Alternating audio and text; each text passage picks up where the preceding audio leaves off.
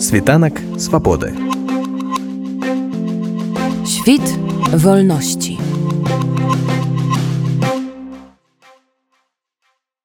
26 студзеня прыйшла сумная навіна. У баях каля горада угледарва у краіне загінуў беларускі добраахвотнік былы сябра маладога фронту эдуард лобаў. У суботу развітацца з эдуардам можна будзе ў киеве пасля цела прывязуць у варшаву. Грошы на пахаванне беларускага добраахвотніка беларусы збіралі назбіралі менш чым за суткі. Маці эдуарда марына лобава рассказала нашаму радыё пра сына яго апошні бой пра жыццё маладога чалавека ў беларусі і за мяжой пра салідарнасць беларусаў.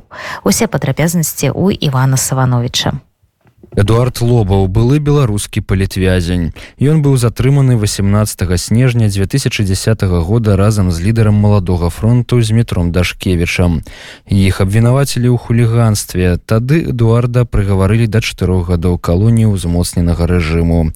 Амаль адразу пасля адбыцця тэрміна ён з'ехаў ва ўкраіну, дзе ў 2014 годзе пачаў змаганне супраць расійскай агрэсіі. У сваім апошнім баі ён з пабрацімамі паляваў на расійскія танкі. Пачаўся бой, падчас якога быў паранены яго камандзір. Эдуард загінуў, прыкрываючы адыход сваіх. Маці Эдуарда спадарня Марына распавяла, як яна даведалася пра гэтую страшную навіну. Даведалася. Села обедать и увидела, что у Фейсбуку Молчанов мне что-то написал что учора вечарам высветлілася троха мне там на телефоне і ўсё. Я як прочытала гэта ўсё это быў конец я не ведаю дакладна калі гэта было бо не сочыла цалкам за тымі событиями что там адбывалася і як. Але там астатні час было вельмі трудно трудная обстановка складалася і яго перавялі з многа месяца туды дзе ён быў забіты. Там не давалі рады і трэба бы была дапамога. Яго перакінулі э, то было у пёнта у суботу ён мне пісаў ужо ў чвартак наступного у наступны тыдзень я яго ўжо там забілі. Яны вялі бліжні бой з танкам у расійскім якімсь там быў паранены яго камандзір. І ён прыкрываў адход гэтага параненага камандзіра і атрымаў асколачныя такія паранені ад которых ён ужо ну долго не жыў памёр. Беларусы адразу выказалі жаданне дапамагчы сям'і загінулага ваяра. Фонд байсол хутка пачаў збор сродкаў і неабходная сума была сабраная ўжо праз суткі. Спадарня марына вельмі ўдзячная кожнаму хто адгукнуўся і дапамог. Яна прызнаецца што пытанне вяртання цела і арганізацыі годнага развітання аказаліся вельмі цяжкай справай і без дапамогі наўрад ці гэта ўсё было б мажліва людзі шмат пералічылі грошы мне э, на маё на маю картачку. Дзякую кожнаму асабіста. Кланяюся ў ногі за дапамогу бо гэта на самай справе вялікая справа бо ўсё это каштуюць дорага і я не чакала што будуць такія расходы у нас. Также хочу падзякаваць кожнаму кожнаму хто памог у гэтай справе. Будзець у касцеле напэўна у Киеве. Шукаюць касцёл бо хацелі ў церкві але эдуард быў каталіком і налепей гэта было б зрабіць у касцёле. На момант нашай размовы спадарня марына яшчэ не ведала дакладнага месца і часу цырымоніі развітання з эдуардам у киеве настолькі гэтае пытанне было складана вырашыць.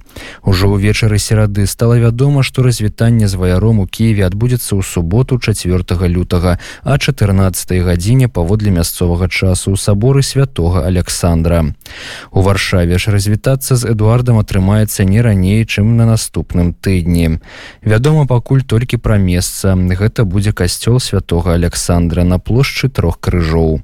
Аб дакладным часе стане вядома пазней. У варшаве будзе таксама афіцыйнае развітанне у касцёле на палацу трох крыжоў. Таксама яшчэ дакладна не ведаем даты, бо ўсё это так складана з транспарціроўкай труны. Много таких бюрократычных руз ружных э, rzeczy которые мусімы залатвіць ту у польсцы і в украіне. Пакуль невядома. Найскарэй усяго у варшаве будзець пасля выходных бо субота нядзеля тут не адбываецца пахавань дарэчы гісторыя эдуарда вельмі паказальная. Яна цалкам разбівае ўсю прапаганду рэжыму і спробы паказаць лукашэнку моцным гаспадаром дзяржавы. Наадварот уся гісторыя жыцця і барацьбы эдуарда паказвае сапраўднае стаўленне рэжыму да найлепшых прадстаўнікоў нашай нацыі. Спадарня марына распавядае што яе сын з дзяцінства марыў аб тым каб стаць афіцэрам у войску. Але не дзеля льгот пенсіі зорак на пагонах.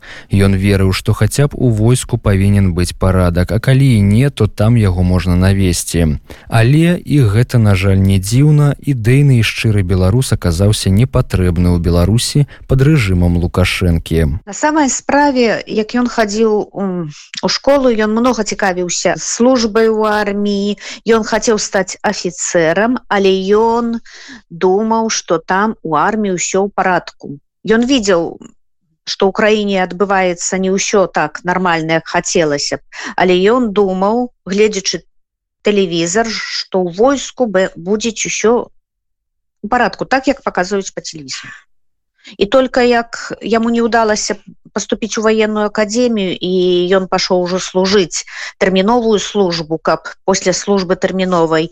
Ну вот такія дзівосы у нас у беларусі. Калі ты у десанте можешь служыць і позволяе табе здароўя то у академію ты поступіць не можешь по состоянию здоровья. А после службы ты уже можешь не знаю здравей здроўшы робішься чи что не не ведаю. Як ён сутыкнуўся з тым якая падрыхтоўка солдат была ў войску ён быў просто здзіўлены гэтым усім. Да службы ў войску як бы так стаўленне добрага не было да лукашэнкі э, видел что адбываецца не ўсё добра ў беларусі. Але як казала раней ён думаў что гэта не датычыць арміі конкретно что там зусім другія умовы что армія падрыхтавана. Ён хацеў быць афіцерам ён хацеў быць военным але ён хацеў рыхтавацца не да нападу на інныя краіны ён хацеў абараняць свой край. І хацеў каб войска беларускае было здольнае гэта зрабіць разе чаго.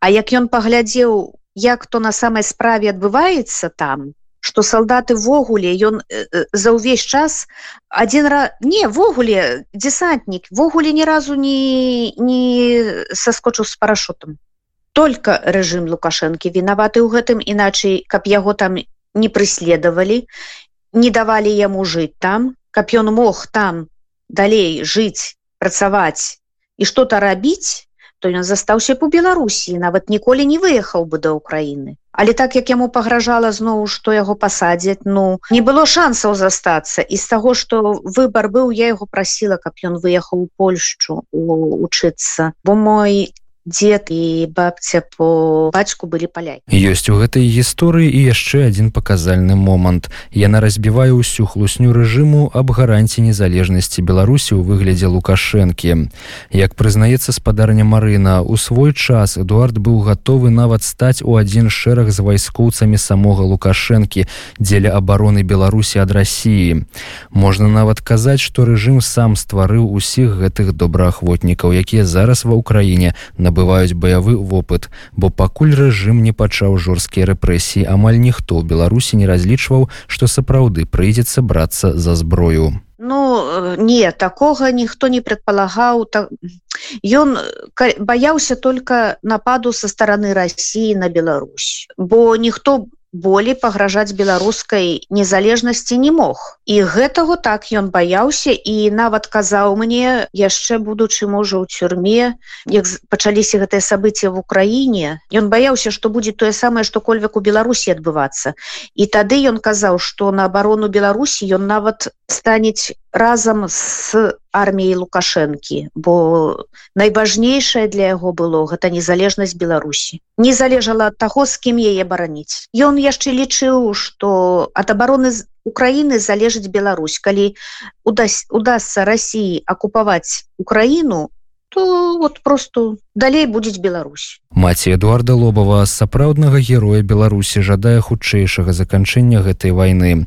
Заканчэння перамогай украіны аб чым марыў і за што змагаўся і памёр яе сын. А таксама каб як мага больш абаронцаў украіны вярнуліся з вайны дадому жывымі і здаровымі. Я ім пожадала победы победы як найскарэй. Як можна з менейшымі жертвамі Я жадаю Украіне гэтай победы, бо мой сын марыў пра гэту победу.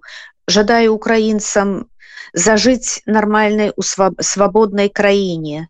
Жадаю тым, хто хоча дапамагчы украінцам беларусам.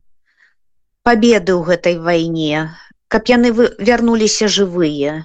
Тым беларусам, хто цяпер знаходзіцца ў Беларусі, ні ў якім разе не, ісці з, Расіяй, на Украіну ні ў якім разе не, не, не соглашацца на гэта. Бо чакаю что может быть такое что Беларусь развяжаць войну і дасць і пойдзець бо ідзе мобілізацыя і ўсё такое.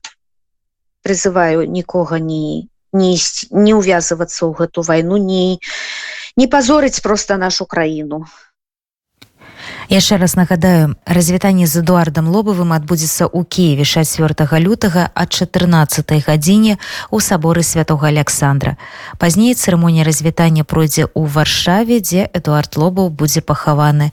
Дата і месца стануць вядомы пазней і мы абавязковым пра іх паведамім. Світанак свабоды. Świt wolności.